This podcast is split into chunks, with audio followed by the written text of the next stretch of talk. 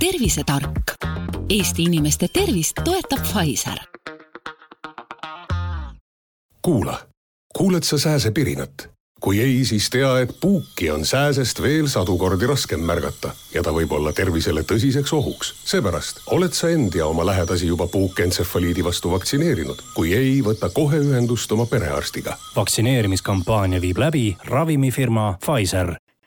tere päevast, eetris on Tervisetark, mina olen Tuuli Seinberg ja minu külaline on täna Lääne-Tallinna Keskhaigla ambulatoorse nakkuskeskuse ülemarst, doktor Kersti Kink. ja meie tänane teema on üks vastik väike putukas, puuk ja tema poolt levitatavad haigused äsjane statistika näitab, et puugihaiguseid ongi sel aastal nüüd pea poole võrra rohkem kui eelmise aasta samal perioodil,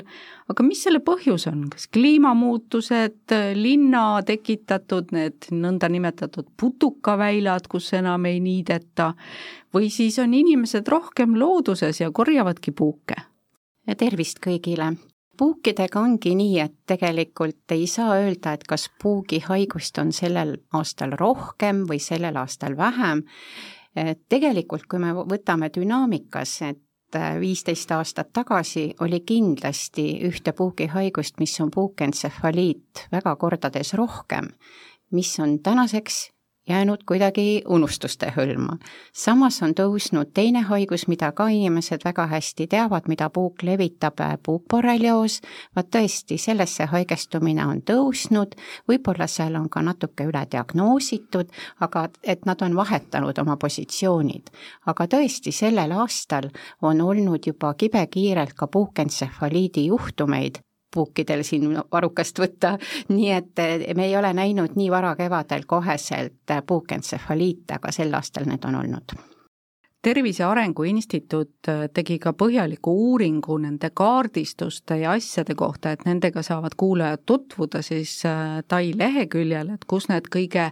kurjemad ja haigemad puugid Eestis asetsevad aga räägime nüüd lähemalt nendest haigustest, mida puugid kannavad, kaks suurt haigust siin sai juba mainitud. Jah, et kõige rohkem enim levinud haigused ongi puukentsefaliit, mis on viirushaigus, ja puukborrelioos, mis on bakterhaigus. On veel teisi haigusi, mis puukide poolt äh, levitatakse, on erlihioos, on äh, pabesioos ja nii edasi, aga need on juba väga spetsiifilised haigused ja nende diagnoosimisega tegeleb arst, et need patsient väga kergesti seda diagnoosi panna ei saa, siin on selline tähelepanek, et kui teid puuk hammustab,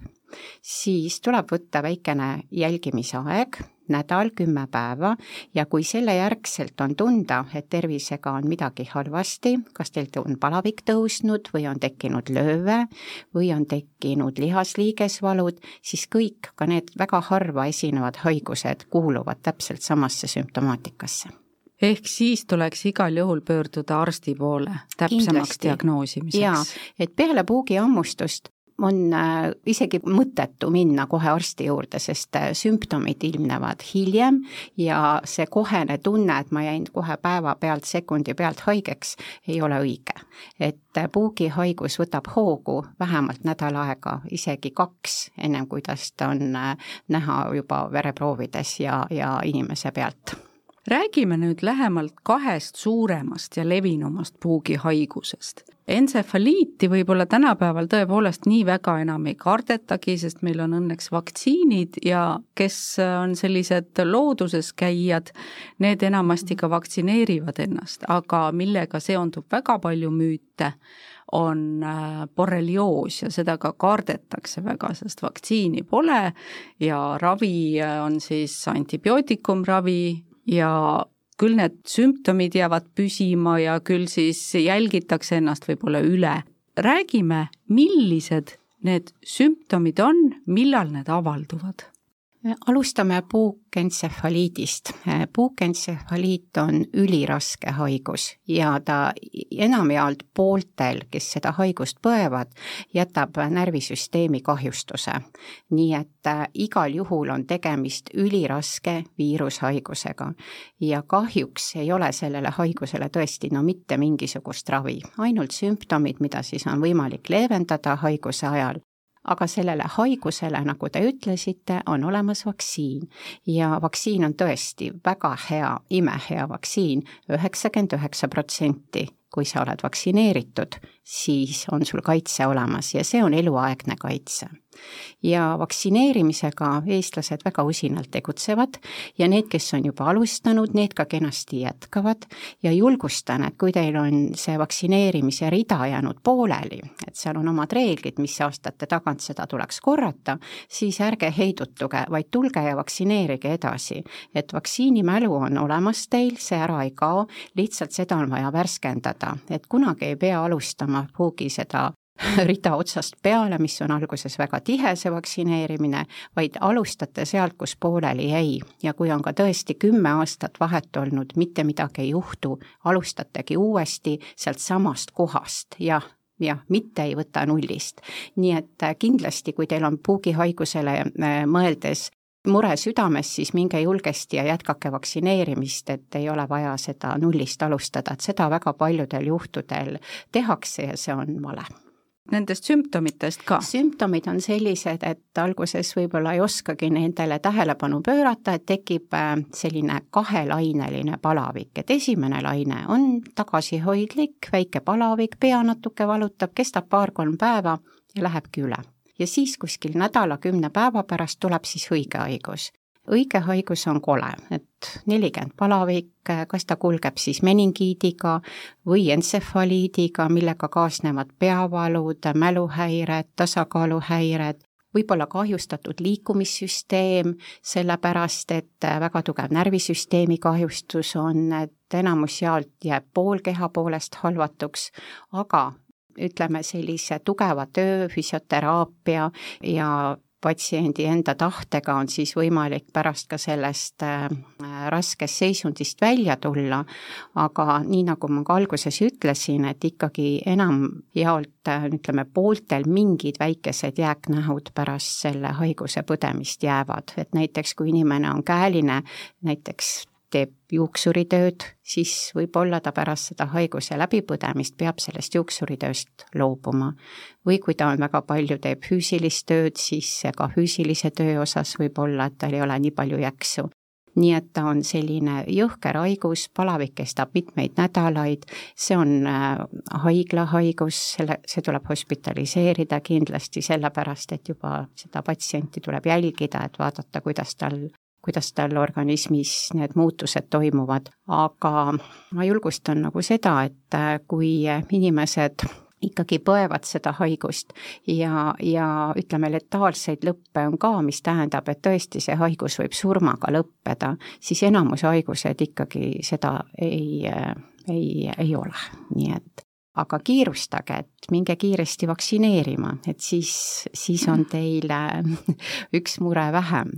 puukentsefaliidi haiguse saada äh, on võimalik ikka ainult puugihammustuse teel, et see on niisugune klassikaline tee. et puuk peab hammustama ja siis oma süljega annab selle viiruse siis ilusti sinna naha sisse ja meie siis äh, jääme haigeks et äh, sellised muud, on ka üks veel, üks selline erandkord, et võib olla nakkus ka piimaga.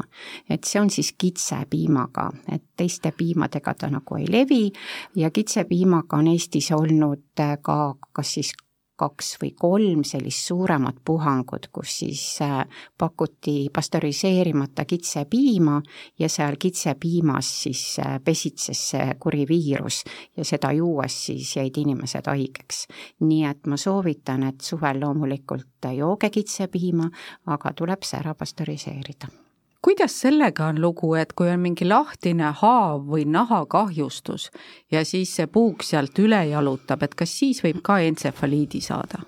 ei, kindlasti mitte, sellepärast et puugil on selline tore organ, selline suis nagu väikene saekene, mille ta siis sinna naha sisse surub ja ta oma süljenäärmetest pritsib selle viiruse sinna sisse, nii et kui see, et puuk jalutas üle ja ma jäin haigeks, et see ei vasta tõele ehk siis puugid niimoodi üle õla ei sülita? ütleme nii, et võib-olla sülitavad, aga haigeks sellest ei jää. no seda on vähemalt hea teada. aga veel nendest äh, haigestumistest, et kuidas sellega on, kas äh, on teatud rühmad, kes võivad põdeda kergemalt, ma ei tea, lapsed näiteks, ja teatud rühmad, kellele on see eriti ohtlik? kui me räägime puukentsefaliidist, siis on tõesti niimoodi, et kindlasti põevad väga raskelt eakamad inimesed ja siinjuures veel märkus, et nemad peaks kindlasti olema vaktsineeritud. nooremad inimesed põevad kergemalt, aga ei saa kunagi öelda, et nendel ei ole raskeid haigusjuhte lapsed põevad tõesti kergelt, et laste seas selliseid üliraskeid juhte, puukentsefaliidi juhte on üliharva. nii et seetõttu vaktsineerimist võib alustada juba esimesest eluaastast, kui laps elab maal ja, ja elabki võib-olla rohkem õues kui toas ja, ja see on lubatud. aga Eestis me oleme ka soovitanud, et võib alustada kuskilt kolmandast eluaastast vaktsineerimist, miks? sellepärast lihtsalt on nii üksikud juhud puukentsefaliiti nii väikeste laste hulgas. ehk siis nad ongi sellised puugikindlamad? jah, et äh, võib, võiks nii öelda, et see haigus jah, ei, ei, ei kulge neil nii tõsiselt aga kuidas on vaktsineerimisel sellega, et kui nüüd teha see esimene süst, kas siis on mingisugune selline matemaatiline loogika, et esimene kord annab kolmkümmend protsenti kaitset, teine kord siis juurde veel kolmkümmend protsenti, saad kuuskümmend protsenti ja siis, kui on viimane kord ka tehtud, et see kolmeastmeline süsteem, et siis on alles sada protsenti et tegelikult on see natuke parem. et esimene süst tõesti väga kõrget kaitset ei anna, see nagu valmistab organismi ette, aga kui te teete kuu aja pärast teise süsti juba, siis annab see väga hea kaitse, nii et teisest süstist alates on teil kaitse olemas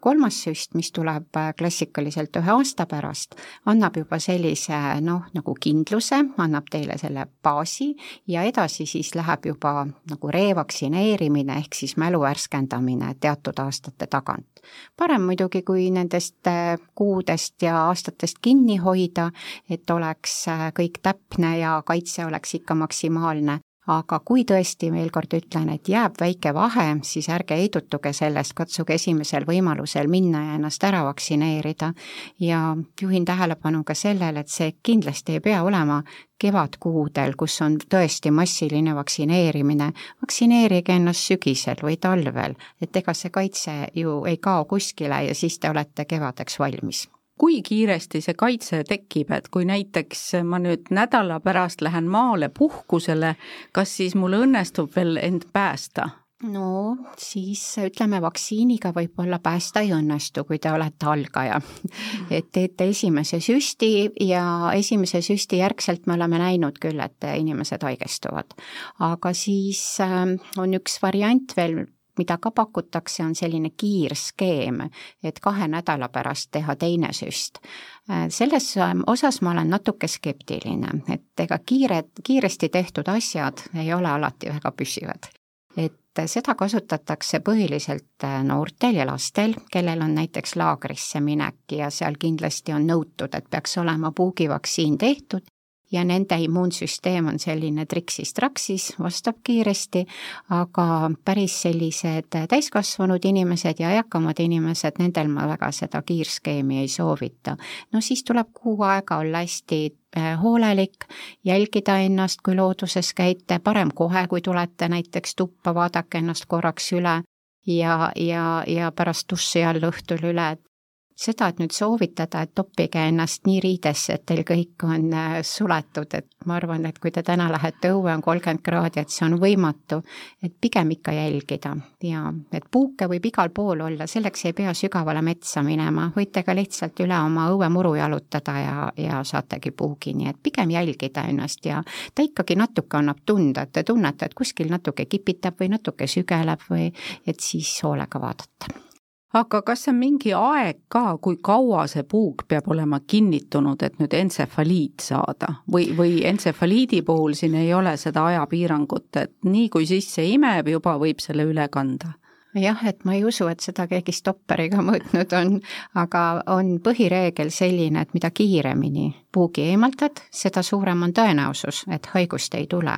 et on selliseid äh, markantseid juhtumeid olnud, et inimene läheb kuskile loodusesse väljasõidule ja on mitu päeva selle puugiga ja siis tuleb äh, linna tagasi ja siis tuleb arsti juurde, et palun, kas te eemaldaksite selle puugi. et äh, see on küll vale tegu. et kui te näete, et teil on puuk äh, ikkagi keha peal, siis mida kiiremini selle te sealt ära võtate, seda parem oskavad kõik võtta, selleks ei pea olema arst, ei pea olema kirurg, et teda eemaldada. on olemas sellised toredad puuginäpitsad või tangid ja kui neid ei juhtu käepärast olema, siis võite võtta ka kas mingi väikse vatitükikese, et näpuga teda mitte otse puutuda ja, ja ta ära sealt keerata, nii nagu väikse vindiga lihtsalt ta sealt välja tõmmata või siis, kui ei ole mitte midagi, siis võite ka täiesti palja käsida ilusti, mitte pigistades teda, aga lihtsalt tasakesi naksti, ta tuleb päris hästi välja, nii et ärge oodake seda momenti, et arst seda tegema peaks või, või õde, et seda suudab igaüks teha ise. Kui on muidugi niivõrd äh, ebamugavas kohas see puuk, kust ise kätte ei saa, et siis võib küll probleem tulla, ei ole kedagi teist ka, et no, muidugi, mis siis teha? no siis äh, jah, peaks minema kas äh, paluma naabrit näiteks. Et keegi võtaks selle ära, et see ei pea olema kindlasti meditsiinitöötaja. Ja et noh, siis tuleb leida lahendus. Levinud probleem ja küsimus, mis inimestel tekib, on ka see, et kui nüüd ei õnnestunud seda puuki täielikult eemaldada, ehk siis need pea ja suised jäid sisse ja seal tekib mingi punetus, kerge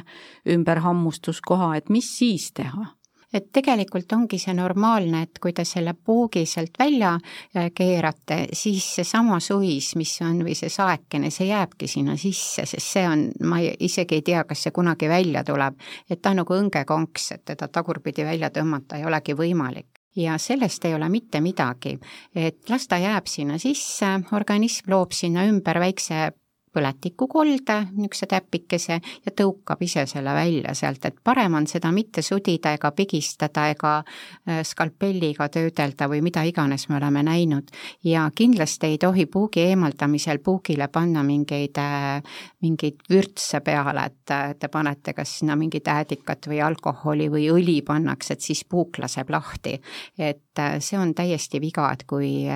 kui seda teete, siis tekibki puugil selline tuju, et kui tal midagi seal sees on, siis ta ilmselgelt selle organismi välja pigistab endast, kui ta ennem seda teinud ei ole, nii et seda ei ole, sellel ei ole mingit eesmärki. ja, ja veel kord, et öeldakse, et puugi pea jäi sisse, et see on selline müüt, et puuk on väga kompaktne, et nagu teleripult, et seda pooleks ei murra. et mis sinna sisse jääb, tõesti see suis jääb sisse et siit äh, selged juhised, et ei tasu siis üle muretseda, et see, kui tekib väike põletik, siis on isegi hea, et ta tõukab selle e, võõrkeha siis välja. just, et ja teinekord see püsib päris mitu nädalat ja noh, võib-olla on natuke kole, et on selline noh, väike punnikene selline, aga et lihtsalt siis mingi testvahendiga teda puhastada ja, ja lihtsalt lasta tal olla seal omaette natukene ka tõrjevahenditest, et kuidas on sellega, et on neid igasuguseid pihusteid, mida siis lasta riiete peale, aga on ka selliseid äh, nii-öelda koduseid vahendeid, et küll pannakse jalavõrud küüslaugust näiteks, et kas see tegelikult peletab puuke või mitte? et selle kohta ma ei oskagi öelda, et kui te usute, et äh, peletab, siis pange, proovige, et puugil on, ta kukutab või riputab ennast külge mingi lõhna peale, mis talle meeldib et selle kohta ei oskagi öelda, et kõige rohkem ongi, et kas võib-olla, kui on inimene väga higine või, või tal on mingid spetslõhnad juures, mis puugile meeldivad, et äh, hea soovitus on ennem metsa minekut ennast puhtaks pesta jah, et ei ole teada seda, et millised lõhnaõli eelistused puukidel just selles metsas näiteks on. ei, ei selle kohta ei ole jah uuringuid tehtud. selge aga nüüd räägime teisest puugihaigusest, mis on siis puukborrelioos ja mis on Eestis ka rohkem levinud, mille vastu vaktsiini ja sellist head ennetusvahendit ei ole, aga õnneks on vähemalt see ravitav. aga esmalt siis äh, sümptomitest, mille poolest borrelioosi sümptomid erinevad siis nüüd äh, puukentsefaliidi omadest? Puukborrelioos on selline salakaval haigus, et ta ei alga sellise pauguga nagu entsefaliit ja tihtipeale jääb täiesti kahe silma vahele, millal see haigus võis alata. kõige parem, kui selle haigusega koos tekiks selline spetsiifiline lööve, mida nimetatakse erüteema migrantsiks. miks ta migrants on, sellepärast et see lööve võib liikuda erinevatesse kohtadesse kehatüvel, et ta ei pea olema täpselt sellel kohal, kus klassikaliselt, kus puuk hammustas, aga võib olla ka sellel kohal. ja samas võib seda löövet olla ka rohkem, et ei pea olema ainult üks selline ilus sõõr, vaid võib olla ka, ma olen näinud selliseid noh, ütleme neli-viis kaunist sõõri kehatüve peal, nii et ka puukborrelioos võib niimoodi välja näha. aga kui te näete sellist sõõri, siis see on tekkinud tavaliselt kuskil puugihammustuse järgselt, ütleme kümme päeva kuni kaks nädalat, et see ei teki kohe. kohe tekib väike punetus, mis on ärritusest, et puuk sinna väikest oma sellist tuimestusainet laskis, see kaob ära ja kui siis tekib sinna kohale sõõrike, mis hakkab ohjeldamatult kasvama, siis see on kindlasti märk juba, et tuleks minna arsti juurde. ei olegi vaja neid teste teha, sest need seroloogilised testid ei ole väga kiired ja krapsakad ja testid teinekord muutuvad positiivseks alles siis, kui meil on juba ravikur lõppenud lõppenud. nii et äh, see lööve, seesama äh, ringikujuline roosa lööve on äh, kõige esimene märk puukborrelioosist ja seda suudavad tõesti diagnoosida ka patsiendid ise. nii et siis tuleb kohe arsti juurde minna ma täpsustan korraks, kui suur see lööbeelement peab olema? ta on niimoodi, et alguses ta tekib kuskil paar-kolm sentimeetrit ja siis ta hakkab kasvama. et tavaliselt ta ikkagi on kuskil kümme-viisteist sentimeetrit, aga ma olen näinud ka selliseid kehatüvel, kus on juba ütleme noh, ma ei tea, viiskümmend sentimeetrit ja suurem, nii et ta hakkab lihtsalt suurenema, vaatamata mida te ka sinna peale panete, ta ikkagi kasvab. et see tähendab seda, et borrelioos, nagu ma ütlesin, on bakterhaigus ja seal naha all on üks väike spiraheet, mis hakkab siis endale teed rajama ja, ja siis selle väikest sõõri me näemegi, nii et siis see bakter töötab seal naha all ja, ja see on selline nagu parem variant. Kehvem variant on siis, kui seda kaunist sõõri ei teki ja see haigus lähebki kohe lihastesse, liigestesse ja nagu sellist äh, esmasümptomit äh, noh, on raske nagu äh, hinnata, et kas see on nüüd liigesvalu, lihasvalu, seda me võime tunda ju nii või naa. et kindlasti tuleks kiiresti pöörduda arsti poole ka siis, kui näiteks üks liiges hakkab järsku väga tugevasti valutama ja teadmata põhjusel läheb ka turse ja sellele on eelnenud puugihammustus, see on ka üks niisugune kindel sümptom ja või siis, kui on tegemist väikeste lastega, et täiskasvanud lapsetel on seda vähem, siis järsku vaatate, et lapsel on nägu nagu viltu läinud, et siis seda on põhjustanud näonärvi väike halvatus, mis siis on samamoodi selle puugimürgiga, et lapsel vajub lihtsalt suunurk allapoole ja siis, kui te hoolega vaatate, võib-olla näete ka, et siin näol on väike rõngas, võib-olla siin juuste sees kõrva taga, nii et lastel võiks seda rõngast otsidagi just äh, näo ja kaela piirkonnast. et vot need on sellised sümptomid, aga kui ma olen lihtsalt väsinud, mul lihtsalt lihased valutavad, ma lihtsalt tunnen, et mul käib pea ringi, siis ei pruugi see alati ainult puukborrelioosist olla. selle erüteemi kohta ma küsiks veel, et kas need piirjooned peavad olema kindlasti sellised ühtlased, ehk siis ta peab olema selline sirkliga joonistatud sõõr või võib see olla ka sellise erikujuga? et tegelikult see on neid on päris erinevaid mustreid, et need on sellised, on üks on täitsa nagu pullisilmamuster, kus on niisugune tume täpp sees ja korrektne punane ring ümber, aga ka on selliseid udusid lihtsalt, et see sõltub sellest kohast, kus kohas see lööve on. Et ta võib ka olla näiteks lillakam tavalisest, et tihti ka on tulnud perearstide poolt, et oi, see ei ole üldse roosa, et on nagu nii tumelilla, aga see võibki olla näiteks, kui on, ütleme, hüppeliigese labajala piirkonnas, et siis on kahjustatud ka natuke veresooned ja, ja on tekkinud juba väiksed hematoomid sinna juurde. nii et tegelikult seal võib olla palju nüansse, nii et ta ei ole alati selline ilus roosa nunnu lööve, et ta võib ka näha päris kole välja teinekord lastel ma olen kuulnud seda, et nagu te ütlesite, et seal peapiirkonnas võib olla see sõõr, et võib olla ka niimoodi, et paistab ainult näo pealt see üks sõõriserv ja vanem vaatab, et siin on lihtsalt mingisugune kriimustus, selline punane jutt mm. -hmm. just, et siis tasuks otsida just juuste seest, et seda me näeme päris tihti, et siis tuleks lihtsalt ajada jälge, et kus, kas see läheb edasi kuskile, see triip või ei lähe. ja, ja teine asi, mis veel laste juures on see, et et kui näiteks lapsel läheb kõrv hästi nagu lillakas punaseks, et see kõrvanibu ja siin tunnete, et nagu oleks mingi loom hammustanud seda kõrva, et vot siis on ka, et on ka puugil üks selline haiguse väljund lastel, et kui, kui satub hammustus kõrvapiirkonda, siis ta võib ka sellisena välja näha nagu, no aga see torkab silma, et see on niisugune tume lilla aga nüüd äh, edasi sellest, et tekib see sõõr, äh, see on nagu väga ilmne märk, need ootamatud lihasvalud ja asjad, aga tihtipeale inimesed saavad puugilt hammustada, siis nad kohe tormavad apteeki ja ostavad äh, borrelioosi kiirtestid, mis on saadaval ja siis hakkavad testima neid, aga ma olen kuulnud, et enamikul või väga paljudel inimestel mingisugune kokkupuude ikkagi on borrelioosiga, need testid on sageli valepositiivsed hoopis et seal on selline lugu, et kui äh, see puukborrelioos on kehv haigus nii patsiendile kui arstile, sellepärast et teda päris äh, õieti diagnoosida on päris keeruline. ja kui te puukborrelioosi haiguse korralikult läbi põete, siis on mõlemad äh, puukborrelioosi immunoglobuliinid, nii IgM kui IgG, küllalt kaua positiivsed. IgM küll kaob ära mõne aja pärast, aga oleme näinud, et ta võib ka järgmisel aastal täpselt samamoodi positiivne olla ja kui te siis teete selle kiirtesti, siis te saategi, et teil ongi IgM positiivne, te olete värskelt haigeks jäänud. et see kiirtest ei äh, aita nagu selekteerida seda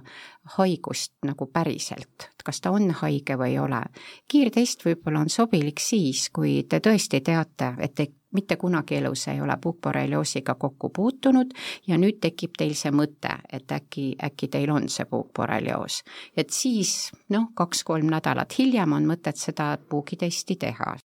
aga et teda regulaarselt teha, no sellel ma ei näe ka mingit mõtet. ja samas äh, seal on soovitused, kui te näete löövet või kui teil on, äh, kui teil on mingid spetsiifilised valud, et tegelikult siis ikkagi parem minge arsti juurde, sellepärast et siis saate täpsema analüüsi ja saab ka vaadata kinnitavate testidega, kas on ikkagi päris uus haigus või see on äh, päris vana haigus. et äh, see diagnostika on keeruline, et see annab võib-olla üldist infot, kas ma olen puugiga kokku puutunud, ma ütleks niimoodi mm. -hmm. aga kas võib olla ka niimoodi, et borrelioos põetakse nii-öelda püstijalu läbi ja inimene ei panegi tähele seda? Et on selliseid äh, lugusid ka jah, et äh, teil lihtsalt lihased ja liigesed valutavad ja ega see borrelioosi tekitaja siis teil eluks ajaks sisse ei, ei jää. on küll erinevaid väiteid, et nõndanimetatud krooniline borrelioos ja nii edasi, noh, neid on äh, nii palju kui inimesi, on ka erinevaid arvamusi, pigem ma arvan seda, et kui te borrelioosi päriselt põete ja teil on korralik raske haigus, siis need sümptomid ei kao kahjuks selle ravi lõppedes ära ja nad võivad püsida veel kuus kuud, isegi aasta ja üle aasta, et te tunnete, on selline polkovniku lesehaigus, et täna ma tunnen ennast üpris hästi, aga homme mul jälle jalg valutab või mul põlv valutab või mingi liiges valutab. et eh, võibki tekkida tunne, et see haigus ei lähegi mul kunagi üle, et see on eh, borrelioosi järgne sündroom, see on täiesti meditsiiniliselt eh, kinnitatud ja põhjendatud, põhjendatud, see ei ole krooniline borrelioos, see nõuab aega sümptomaatiline ravi, vitamiinid, võimlemine, et mõõdukas liikumine tuleb alati kasuks, mitte jääda kuskile tugitooli ootama, et läheks mul see haigus üle. et mida rohkem te liigute, seda positiivsemad impulsid teil organismis käivad ja seda parem on paranemine. et ütlen nii, et positiivse mõtlemisega inimesed paranevad kiiremini kui teised. kõlab natukene nagu see pikk Covid tegelikult. jah et jah, on haigusi, mis ei saa kohe, et äh, lihtne oleks, kui me teeme antibakteriaalse ravi ära ja olemegi terved. et äh, ka oma patsientidele me ütleme alati, et ärge oodake, teil võib paremaks minna, kindlasti läheb paremaks, aga päris terveks äh, saate alles mõned-mõned kuud hiljem ehk siis sellisel juhul tuleb anda aega, nagu ütlesite, lihtsalt ennast turgutada, liikuda, tervislike eluviisidega toetada, mitte siis nõuda perearstilt võib-olla uut antibiootikumikuuri või guugeldada, ma ei tea, mis tõbesid endale külge. Et guugeldamine on tore asi, jah, aga, aga arstiks õpitakse et seetõttu ikka usaldage arste. Ja, ja kui on tõesti vaja mingit sümptomit leevendada, et see on teine asi, kui on tõesti tugevad valud või, või, või, või mingid muud probleemid, siis tasub arstiga arutada tõesti neid. aga kõige nagu valem on see, kui te alustate uut antibiootikumi kuuri, et mida te ravite, te olete ühe korra ravinud, see ravikuur on küllalt pikk, keskmine ravi on neliteist päeva ja sellest täiesti piisab et äh, kui on tegemist võib-olla mõne raske neuroborrelioosi vormiga, siis on ravikuur ka natuke pikem, et ravitakse kolm nädalat, mõnedel puhkudel neli, aga need on sellised erandkorras ja haiglaravi vajavad patsiendid, et tavaliselt puhkborrelioosi on võimalik kodus ravida ja neliteist päeva on täiesti väga hea ravikuur, mis ajab selle spiroheedi organismist välja ja kõik, mis sealt pärast edasi jääb, nagu ma ütlesin, ongi see borrelioosi järgne sündroom, tekitajat ei ole, pahandus on, jah kuidas on immuunsusega, et entsefaliidi põdemine vist annab eluaegse immuunsuse enamasti, kuidas borrelioosiga on? puukentsefaliidil on tõesti see vähemalt üks hea asi, et kui te selle läbi põete, siis te olete kaitstud, et tulevad väga korralikud antikehad ja need jäävad elu lõpuni. Ja siis vaktsineerida ei ole vaja aga kui te puukborrelioosi põete, siis äh, ei ole see nii kindel, et needsamad, nagu me rääkisime, need immuunoglobuliinid jäävad mingiks ajaks äh, verre. Ja ma ei ole nüüd näinud päris seda, et kohe nüüd et igal aastal inimene põeb borrelioosi, et pigem on needsamad analüüsid, mis jäävad oma õitsvas vormis sinna nähtavale ja siis tõlgendatakse seda kui puukborrelioosi haigust. aga võib-olla tõesti, kui on möödas juba mitmeid-mitmeid aastaid, et võib juhtuda, et te jääte uuesti borrelioosi. jah, et see ei ole välistatud aga kas sümptomid on siis sellisel juhul samad või võivad samal inimesel täiesti erinevate sümptomitega ka avalduda siis borrelioos? borrelioosil ongi sellised, äh, nagu me rääkisime, sellised, ei ole sellised ägedad sümptomid, et on äh, ütleme, võib olla tõesti nii, et ükskord haigestud ühtemoodi, teinekord teistmoodi, ma ei oska seda praegu isegi öelda, aga igal juhul ma nagu rõhutan seda, et kui on puugihammustus olnud, siis lihtsalt jälgige ennast kahe, kahe-kolme nädala jooksul, mis teil organismis muutub, et ja, ja siis arutage oma arstiga. nüüd räägime ka pisut tüsistustest, et millega võib tüsistuda puukentsefaliit, et me rääkisime, et see on raske haigus, vajab haiglaravi ja tihtipeale ongi päris pikk põdemine, aga et enamasti inimesed tervistuvad,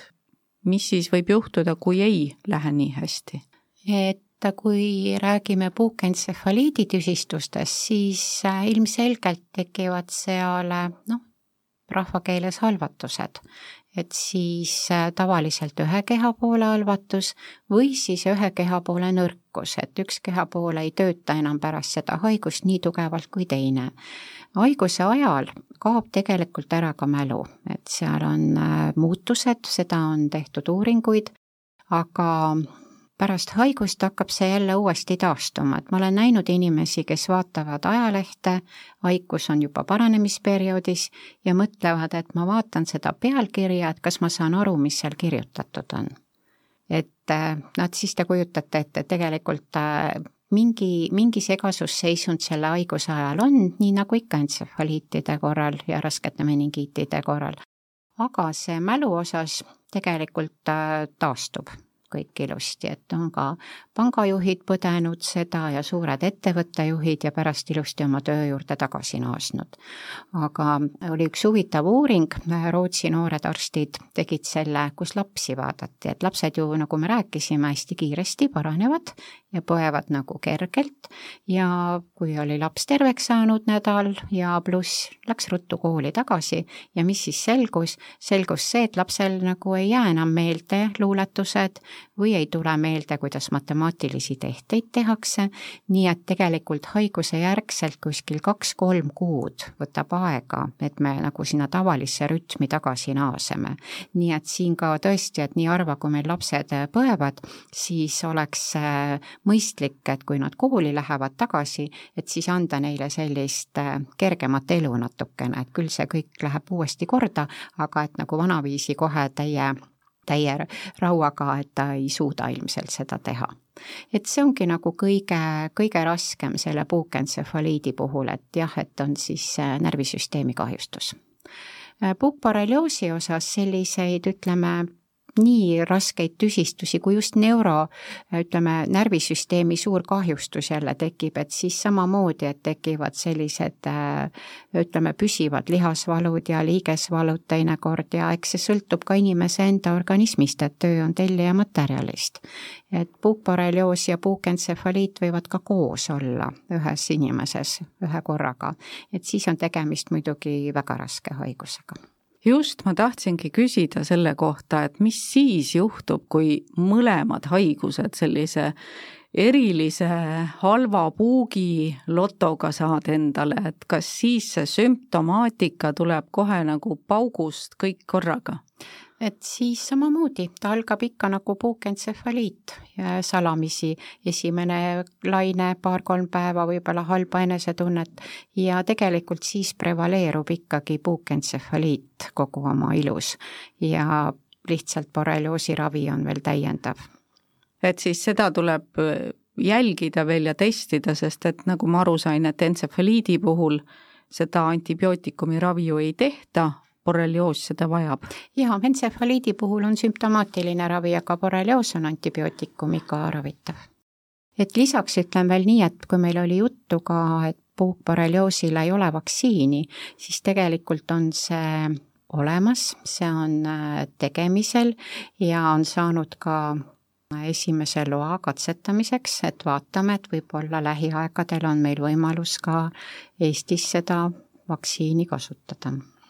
see oleks küll suurepärane, sest et siis ei peaks enam nii palju kartma seda, seda pisikest putukat. aga lõpetuseks ma küsingi, et äh, mis te paneksite kuulajatele südamele nüüd suvehooajal, et äh, pääseda terve naha ja terve organismiga tegelikult on väga raske soovitusi anda, et kuidas puugist pääseda. et puuk on, äh, lihtsalt ootab teid kuskil et kui te satute äh, õigel ajal õigesse kohta, siis te kohtutegi selle puugiga, et tema ju ise ei liigu, tema ootab, et teda viiakse kuskile. siis lindude, loomade, inimestega, et ma ei saa öelda, et ärge metsa minge, et ikka käige metsas, puhake, käige mere ääres, jalutage kõrges rohus vastupidi teistele soovitustele, aga jälgige ennast, et vaadake, et kõik, kui te koju tulete, et kõik oleks naha peal puhas, et muud, muud soovitust ei ole suur aitäh saatesse tulemast ja seda teavet jagamast. see oli Tervisetark ja ma soovin kõikidele siis äh, head enda jälgimist, looduse nautimist, hirmuvaba suve ja tehke kõik endast olenev siis selleks, et puugihaigust ei saaks, ehk siis entsefaliidi vastu vaktsineerimine, borrelioosi vastu enese jälgimine. aitäh kuulamast! aitäh! kuula, kuuled sa sääsepirinat? Kui ei, siis tea, et puuki on sääsest veel sadu kordi raskem märgata ja ta võib olla tervisele tõsiseks ohuks. seepärast oled sa end ja oma lähedasi juba puukentsefaliidi vastu vaktsineerinud. kui ei, võta kohe ühendust oma perearstiga. vaktsineerimiskampaania viib läbi ravimifirma Pfizer